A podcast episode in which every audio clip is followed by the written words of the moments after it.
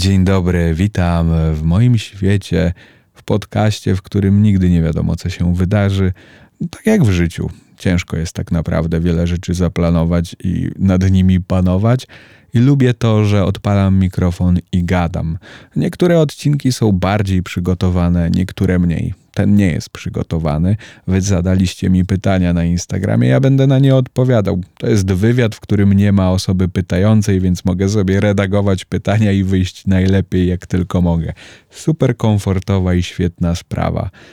No to prawda, że do wielu odcinków się nie przygotowywuję, tylko po prostu gadam. Po prostu jest to najzwyklejszy banał.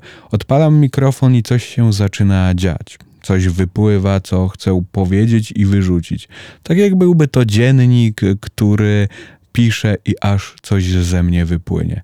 Niektóre odcinki są bardziej przygotowane, zastanowię się, nawet zrobię research, co jest dosyć wyjątkową sprawą jak dla mnie, bo jednak bardzo lubię się poruszać w tej sferze, w której korzystam z tego, co już mam w sobie, ze swojej wiedzy, przemyśleń, bardziej przemyśleń. Wiedza jest w tym wypadku bardzo często znikoma. No to pierwsze pytanie. Cieszę się, że robisz podcasty, które słucham w nocy, a ja nagrywam teraz właśnie w nocy. Pytanie to, jak wytrzymujesz z krytyką? Na tyle długo działam w internecie, bo 10 ponad lat i przyzwyczaiłem się do tego, że ludzie czasami piszą różne rzeczy, a oni piszą, a ja robię swoje dalej. I karawana jedzie, świat się nie zatrzymuje. I jeżeli bym się przejmował krytyką, to już dawno przestałbym to robić i nie byłbym w miejscu, w którym jestem, w którym mogę się nadal rozwijać, szukać swojej drogi i dochodzić do lepszego poznania siebie i też akceptowania swoich wad i tak dalej, no bo nie poddałem się. A mógłbym się poddać, bo różne komentarze i różne rzeczy się pojawiają. Ale nauczyłem się tego zrozumienia, dlaczego ktoś może krytykować. Dlaczego komuś coś się nie podoba i bardziej mam na myśli krytykę nieuzasadnioną, bo inna jest krytyka merytoryczna, gdy ktoś zwraca uwagę na błędy albo rzeczy, które naprawdę można poprawić i warto byłoby się nad nimi pochylić. Inaczej jest z krytyką w stylu: Co ty wiesz? Dlaczego ty tak się fleksujesz na przykład na samotność? Albo wypier z tej Warszawy, jeżeli ci się nie podoba, jeżeli nagrywam rolki na Instagramie z życia samotnego warszawiaka.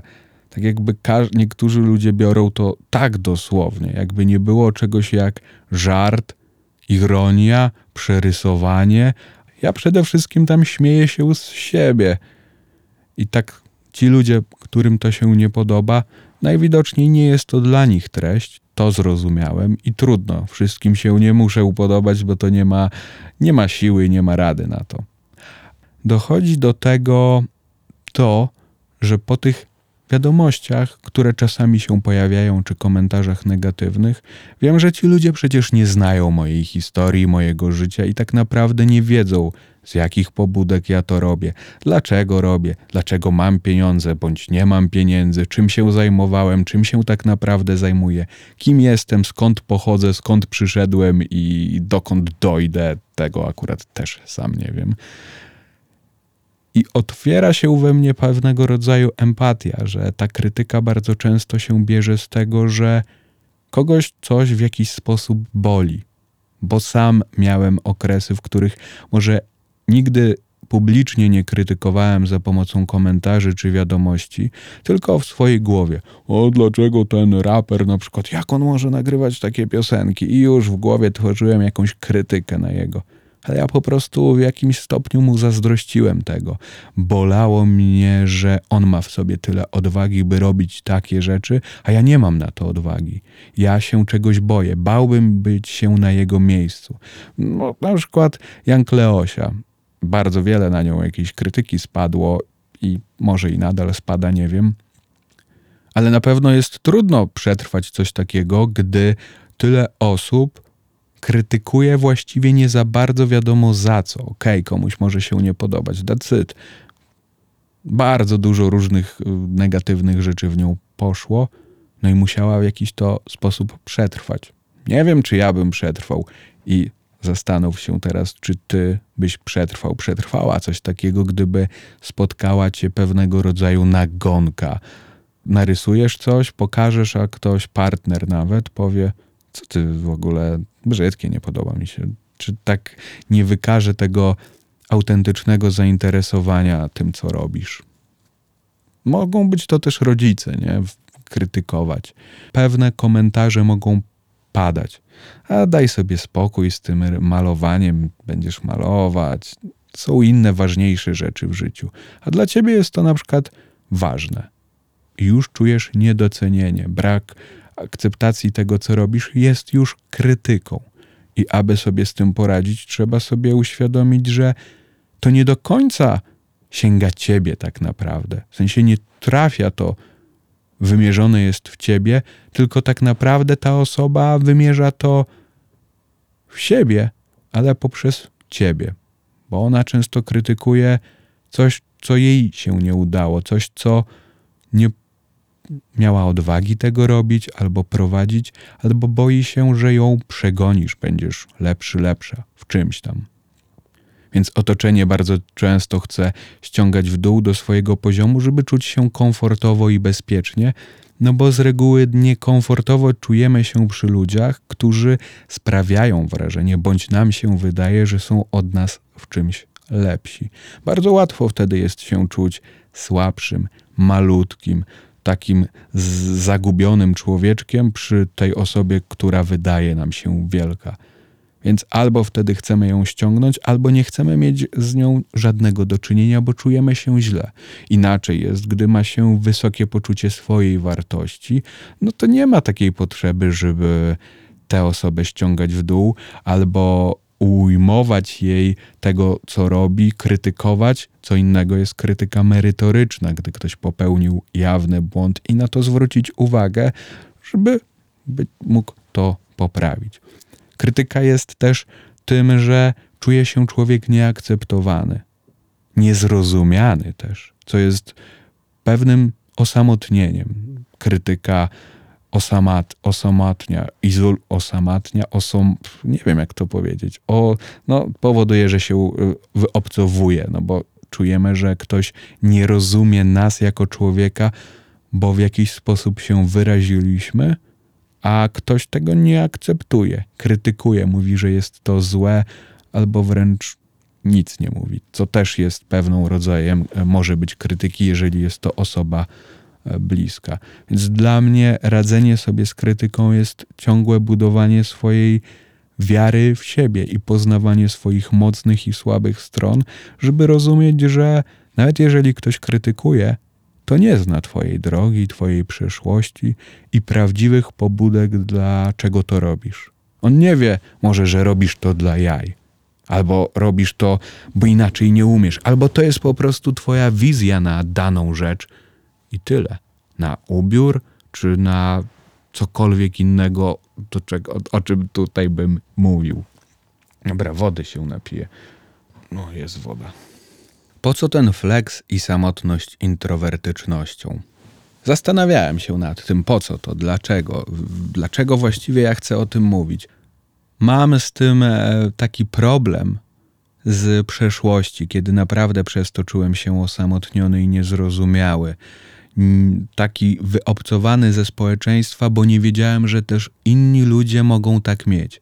Miałem wrażenie, że to ze mną coś jest nie tak, niekoniecznie ze światem. Znaczy ze światem też jest coś zawsze nie tak, ale zawsze też coś jest tak. No, niezrozumiale chyba to powiedziałem.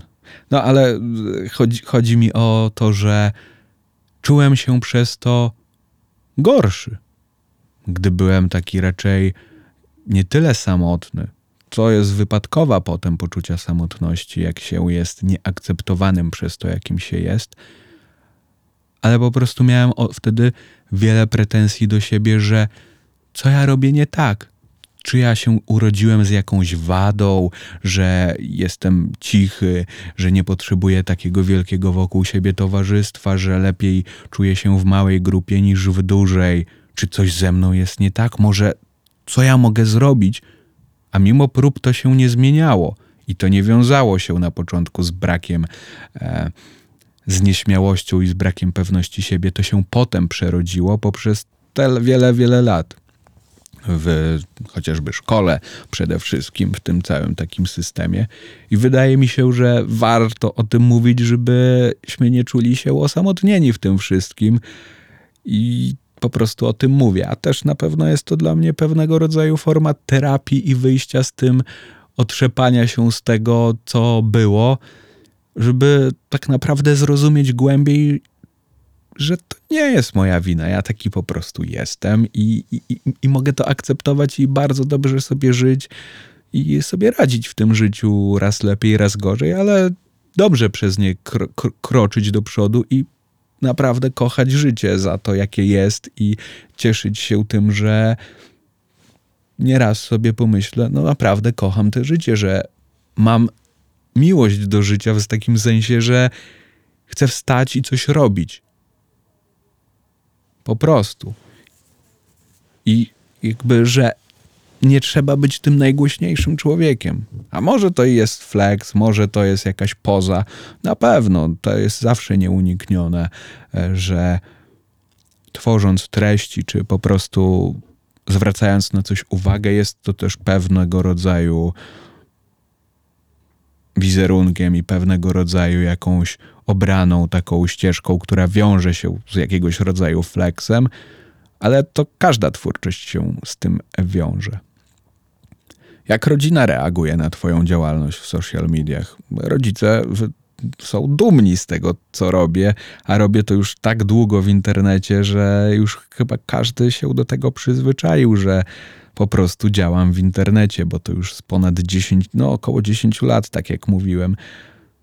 Tak, no, to chyba nie ma co więcej dodawać. Jak myślisz, jak długo będziesz prowadził Twój podcast? Ja wyznaję teraz taką zasadę, że jeżeli sprawia mi to przyjemność, a na razie sprawia mi przyjemność gadanie do mikrofonu i mam o czym gadać, albo może mi się wydaje, że mam o czym gadać, ale na tym to trochę polega, że trzeba sobie mieć czasami urojenie, że robię to i wierzę w to, co robię, bo tak naprawdę w dużej mierze na tym wszystko polega. Mam wrażenie, że człowiek robi, bo robi w kółko i coś z tego wynika, uczy się w ten sposób, a najlepiej jak mam do tego wielką frajdę, bo jeżeli się zmuszać trzeba, to bardzo zaczyna się robić rzeczy byle jak po łebkach, aby tylko odbębnić.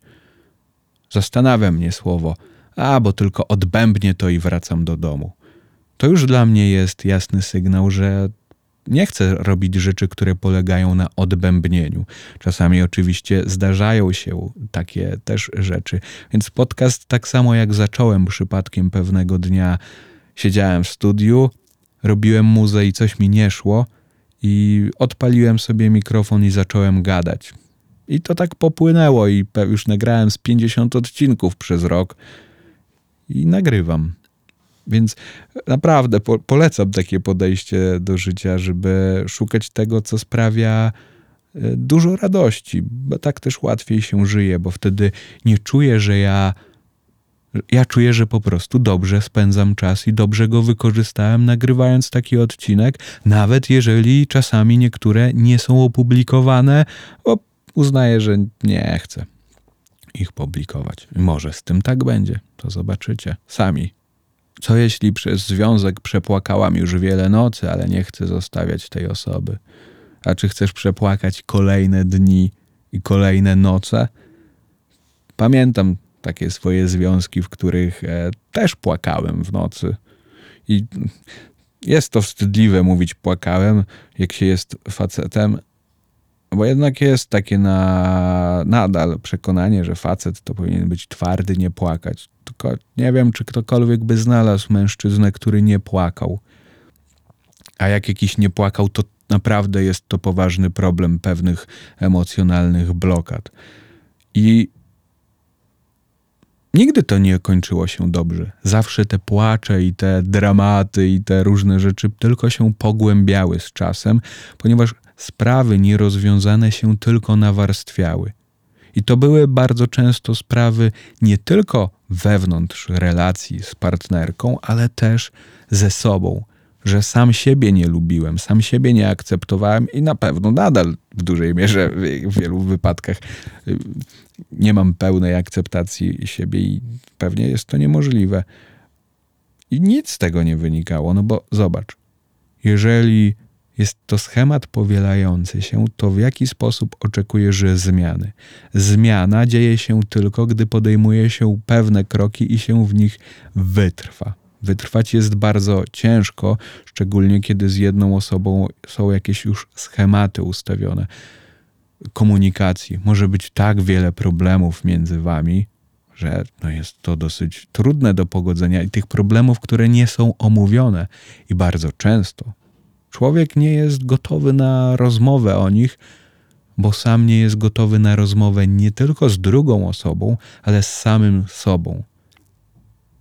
Bardzo łatwo jest odsunąć każdą myśl o sobie w tył i znaleźć wymówkę. A w wielu wypadkach problem nie leży tylko w drugiej osobie, partnerce, partnerze, a w nas samych. Paradoks taki, że e, chcemy zmieniać innych, zamiast zmieniając siebie, albo oczekujemy, żeby tamta osoba się zmieniła, a nie oczekujemy, żeby zmienić się samemu, żeby coś drgnęło w nas. Oczywiście sam, sama zmiana tylko w sobie nie powoduje zmiany w drugiej osobie. Tylko jak ty się zmienisz, a ta druga osoba się nie zmieni, to nadal pociągi będą się rozjeżdżać, no bo jeden zacznie jechać szybciej, a drugi będzie nadal jechał tym samym tempem. Więc po pewnym czasie ten szybszy pociąg będzie wielokrotnie dalej na swojej terasie już może nigdy nie spotkają się te pociągi na żadnej ze stacji. Nawet jak tamten pociąg przyspieszy, to nadal ma bardzo dużo do nadrobienia trasy i może tego nigdy nie nadrobić. No, chyba że tamten pierwszy pociąg się zatrzyma. A często dopuszczenie sobie do tej myśli, to nic z tego nie będzie, może być wyzwalające no bo da jakąś e, myśl do tego, żeby skupić się na sobie, ale nie tylko gadać, jak tam e, niektórzy mówią, ja teraz nie mam czasu na związki, skupiam się na sobie i nic z tego nie wynika. Albo jest to pozorne, udawane skupianie się na sobie zalane alkoholem, używkami, czy, czy po prostu e, zapychaniem głowy, oglądaniem seriali w kółko, binge-watchingiem i tym podobne. To nie jest żadne zajęcie się sobą. Nic takiego zajęcia e, bardziej swoimi emocjami, co jest właśnie bardzo trudne. Czy lubisz sztukę wizualną? Jeśli tak, to obiekt, czy raczej malarstwo? Malarstwo. Sobie lubię sam pomalować, ale ja nie jestem malarzem. Ale ja jestem ignorantem w takim trochę znaczeniu, że wchodzę i patrzę, czy mi się podoba. Ja tak na przykład nie wiem, jaki kto dokładnie co namalował. Ale bardziej fascynuje mnie taka współczesna, może od surrealizmu sztuka e, do od początku XX wieku Wcześniej tak nie do końca mnie te rzeczy interesują, e, ale doceniam piękno. No, bo jest w tym wiele piękna. Jak myśleć teraźniejszością, a nie przyszłością? Trudna rzecz, bo łatwo i chętnie się wybiega w przyszłość albo w przeszłość ponieważ tam można oderwać się od problemów codziennych, bądź w przyszłości generować sobie problemy, które odciągają od problemów, które są tu i teraz. Przykładowo, tu i teraz mam niezapłacony rachunek, to zacznę myśleć o tym, co się stanie, jeżeli za na przykład wyrzuciliby mnie z pracy i myślę o czymś, co może nigdy nie nastąpić, zamiast myśleć o problemie z nieuregulowanym rachunkiem. Przykład, takim przykładowa sprawa. Odciąga to od tego, co jest tu i teraz. Taki bezpieczny mechanizm, żeby nie. Hmm, jak to opowiedzieć? Żeby, żeby nie skupić się na tym, co naprawdę trzeba rozwiązać. A najgorsze jest to, że wtedy jest to nierozwiązane i ciągle wisi nad głową i wraca jak bumerang i wali obuchem po głowie i mówi: Masz niezapłacony rachunek. A ty zaczynasz szybko myśleć: O, a co się wydarzy, jeżeli na przykład e, nie spotkam chłopaka, który będzie dla mnie dobry? I to już jest myślenie w przyszłości. Ucieczka od problemu bardzo często. Dobrym nawykiem jest to, żeby nauczyć się zwalniać i znajdować dla siebie chwile uważności, w których można się zastanowić nad tymi myślami. Dlaczego ja teraz uciekam w przyszłość? Poobserwować te myśli, dlaczego, a co tak naprawdę przebija się przez te myśli. Może właśnie coś, co teraz kuje teraźniejszo. A kolejna rzecz, no to na pewno znalezienie czynności, które pochłaniają tu i teraz. Bardzo często są to rzeczy manualne, dotykowe, które czuć, że szybko coś się dzieje, coś powstaje. Tak jak, nie wiem, rzeźbienie w jakiejś glinie. Jest to bardzo satysfakcjonujące, nawet jeżeli się tego nie umie robić, ponieważ widać, jak się zmienia to, co się dotyka, czyli glinę, formuje się z tego nowy byt i czuje się to pod ręką. Bardzo łatwo jest wtedy być tu i teraz, jeżeli się nauczy czerpać z tego radość, z ciszy, bo często też się zagłusza muzyką, filmem, wieloma rzeczami. Pobycia w ciszy, zamknięcia oczu, skupić się na oddechu, wdech, wydech. Z każdym oddechem i wdechem stajesz się spokojniejszy, spokojniejsza. Wycisza się Twój organizm. Twoje myśli przepływają powoli. Wdech i wydech. Powtarzaj sobie coś takiego. To naprawdę pozwala wrócić do tu i teraz, bo faktycznie Myślenie o myśleniu powoduje, że człowiek odrealnia się od świata, który jest tutaj, od codzienności, co czasem jest dobre, żeby, nie, żeby troszeczkę też sobie podryfować i, i nie przytłoczyć się codziennością, ale gdy jest to zbyt częste, to codzienność zaczyna uciekać i zaczyna się piętrzyć masa problemów, zarówno prywatnych, no wszystko się może zacząć walić. Paradoks to jest, że tak trudno wy, wytrwać tu i teraz. No, social media też są dużym e, odciągaczem, tworzą FOMO, ten strach przed tym, że się coś straci e, i coś ucieknie z życia. Pisanie dziennika też jest super formą, bo pisząc już nawet w tym momencie pisania, szczególnie jak piszesz długopisem na kartce, powstają słowa. Widzisz, jak to jest urzeczywistniane, Twoje myśli to łatwiej jest być tu i teraz, ponieważ myśli są bardziej skupione, one tak już nie odpływają. Bo zanim zapiszesz myśl, musisz ją utrzymać. Nie skaczesz wtedy tak. Trzymasz się bardziej tego, co tu i teraz, a szczególnie kiedy się nie śpieszysz z pisaniem. Pozwolisz sobie właśnie na wyciszenie, w ciszy, na spokojnie pobłądzić tym długopisem. Nawet jeżeli będziesz pisać nie wiem o czym teraz napisać, piszę sobie, aby tylko pisać. Podoba mi się mm, to, jak moja ręka płynie po kartce, bla, bla, bla, bla, bla. I nagle wracasz do tego, co jest tu i teraz. To jest cudowne. No, uwielbiam taki sposób pisania, nieobarczony jakimś największym zastanawianiem się. Czy to złe, jak w wieku 25 lat nie wiem, co robię? Co chce robić. Ja nie wiem, czy to złe, bo wtedy właściwie podejrzewam, że większość ludzi jest, jest e, w złym położeniu, no bo bardzo wiele ludzi nie ma pojęcia, co chce robić i czy to, co robi, jest tym, co chce robić. Myślę, że co jakiś czas w życiu człowieka pojawiają się takie e, problemy i rozterki, no bo Świat się też zmienia, my w jakiś sposób się zmieniamy, ale też człowiek się nudzi tym, co robi i potrzebuje nowych bodźców, a też świat dzisiejszy daje takie możliwości, bardzo często pozorne. Mówi się, możesz być kim chcesz, możesz w każdej chwili zacząć.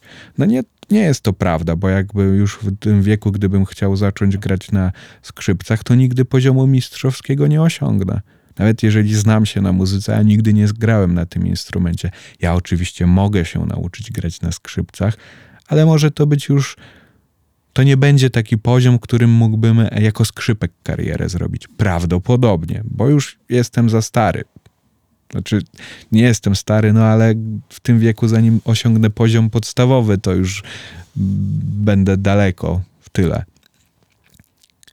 Więc ta myśl o tym, że można robić tak wiele, a zarazem niewiele, no bo nie wszystko jesteśmy w stanie nauczyć się, a poza tym to też skąd się człowiek wywodzi, skąd przyszedł, ma ogromne znaczenie.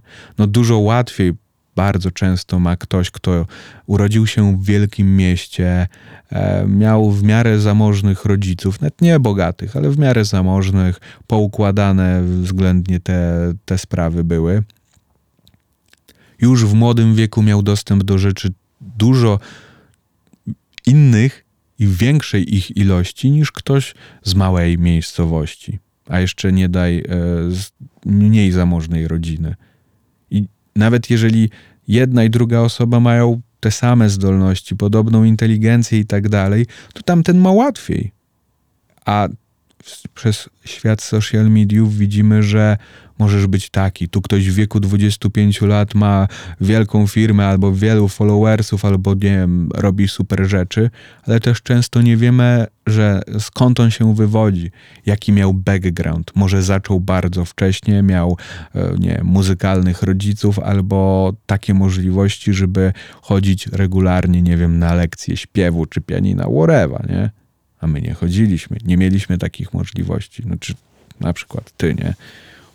Więc nie wszystko też niestety jest dla wszystkich z tego względu, że czas jest ograniczony. Kiedyś wydawało mi się, jak byłem młodszy, że mogę lizać wszystkie, wszystko. No i próbowałem, i tak naprawdę prowadziło to do tego, że łapałem się wielu rzeczy, bo nie wiedziałem za co się zabrać. Znaczy, trzymałem się ciągle tej muzyki, za co jakby jestem z siebie dumny, ale chciałem nagrywać filmy, chciałem to, chciałem tamto. Z drugiej strony fajnie, dużo się nauczyłem, ale też dużo błądzenia, a może te błądzenie jest wskazane. Bo mam 33 lata i prawie zaraz, niedługo. I nadal sobie błądzę. Y, ostatnia dziewczyna napisała, co dziś robisz? Ja napisałem, udaję tak, to co co dzień. Udaję, że wiem, co robię. I sam się zastanawiam tak samo, czy może powinienem skończyć pisać książkę, może to, może tamto. Tych opcji jest tak dużo, świat dzisiaj tworzy, tylko problem jest taki, że się w większości nie będziemy w stanie nigdy e, zrobić, nie dlatego, że jesteś głupi, głupia, tylko nie ma na przykład czasu na to, albo po prostu nie, nie masz takiego komfortu, czy finansowego, czy coś, i najpierw na przykład musisz o to zadbać, zbudować jakieś finanse, może to potrwać na przykład 10 lat, żeby na przykład móc spokojnie się zająć, o czym zawsze marzyłeś, marzyłaś, bo nie miałeś, nie masz na to przestrzeni, a ktoś, kto taką miał, mógł zacząć wcześniej.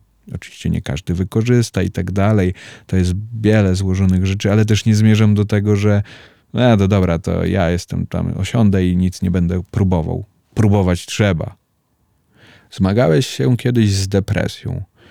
Nie, nie miałem takiego problemu depresji pogorszanie nastroju i tym podobne, to tak, ale jakichś takich poważniejszych, głębszych problemów, gdy to nie miałem, aczkolwiek też nigdy tego nie diagnozowałem, ale nie, no nie miałem.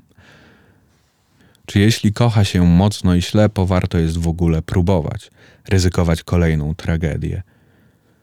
Pomyśl teraz na przykład to jak o państwie, czyli państwie jako kraju. Mamy sobie na przykład wichurę i ona zniszczyła jakieś budynki. I wiemy, że ta wichura może się pojawić po raz kolejny, to czy mądrym byłoby budowanie znowu tych samych budynków, w sensie tak samo, w ten sam sposób, czy raczej wzmocnić konstrukcję, zaproponować inną konstrukcję, aby tragedia się nie powtórzyła, albo wprowadzić jakieś środki zapobiegawcze po tej tragedii i poprawić już istniejące podobne budowle, budynki, żeby ta tragedia się nie powtórzyła. Lepiej jest zadziałać niż czekać, czy może przyjdzie wichura, może nie. A ona przyjdzie zawsze z nienacka, niespodziewanie, kiedy nikt nie będzie gotowy i będzie w swojej codzienności. I tak samo jest w związku i w każdejkolwiek innej relacji. Trzeba na pewno coś zmienić, no bo jak będziesz yy, właśnie tkwił w oczekiwaniu na kolejną tragedię, to nie jest coś, co spowoduje, że samo z siebie się coś zmieni.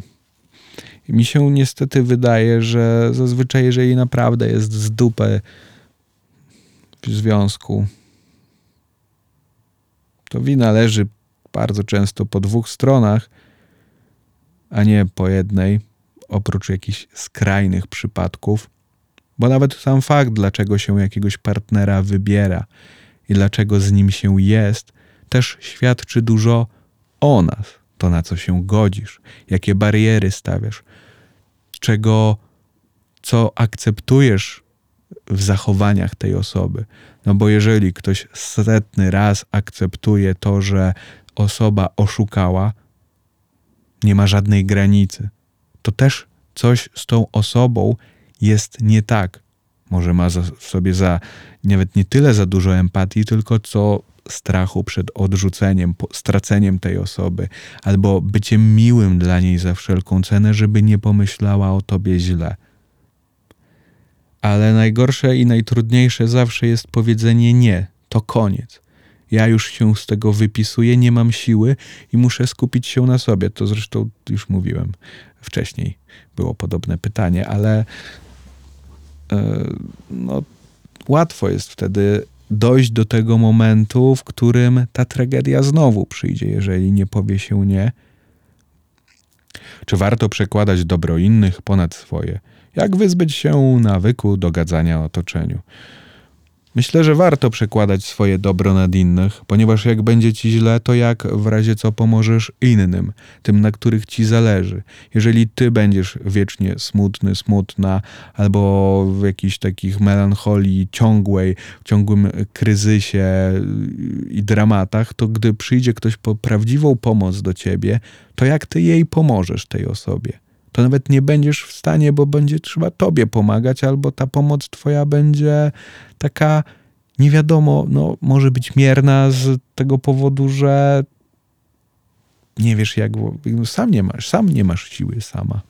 A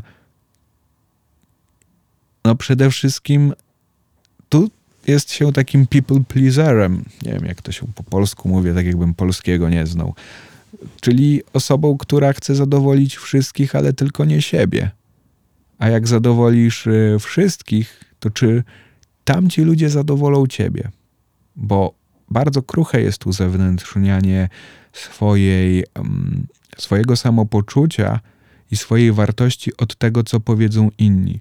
Bo wystarczy, że inna osoba zacznie inaczej machać palcem, albo zmieni jej się nastrój, i twój nastrój się też automatycznie zmienia. Albo wystarczy, że tamta osoba cię odrzuci, cokolwiek zrobi, albo nie będzie zadowolona z twojej pomocy, bo też takowi istnieją, którzy wiecznie narzekają i wiecznie coś im nie pasuje. Ty przyniesiesz najlepsze ciasto mu upieczysz y, na, na urodzinę, a coś tu mu nie będzie pasować, bo on woli torta, nie szarlotkę. Zamiast docenić, że że wykazałeś się, wykazałaś jakąś e, inicjatywą i chęcią uszczęśliwienia tej osoby, Dlatego warto o siebie dbać, no bo kurde, no kto inny ma o ciebie zadbać, jak nie ty sam w pierwszej kolejności. Osoby obok tylko pomagają, ewentualnie są wsparciem, ale w pierwszej kolejności trzeba zadbać o siebie.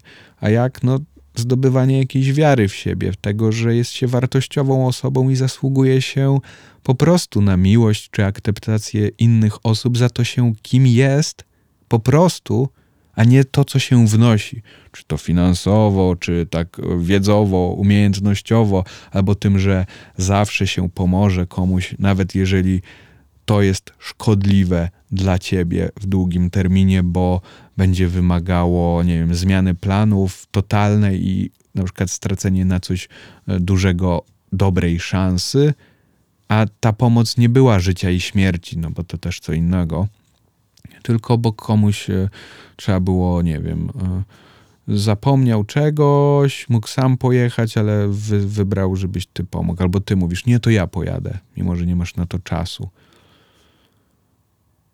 A niestety też są ludzie, którzy nie, nie czują tego, że ktoś jest dla nich dobry i nie potrafią tego oddać albo być wdzięcznym za to, że ktoś, na przykład właśnie ty, mu pomagasz i jesteś osobą ciągle dostępną.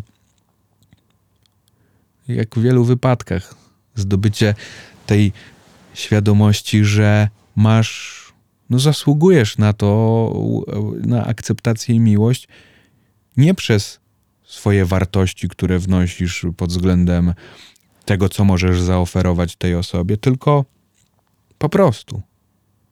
Warto sobie powtarzać, zasługuje na miłość. Czekajcie, głos mi się zacina. Zasługuje na miłość, zasługujesz na akceptację. Powtarzać to sobie. Gdzieś to zawsze umacnia.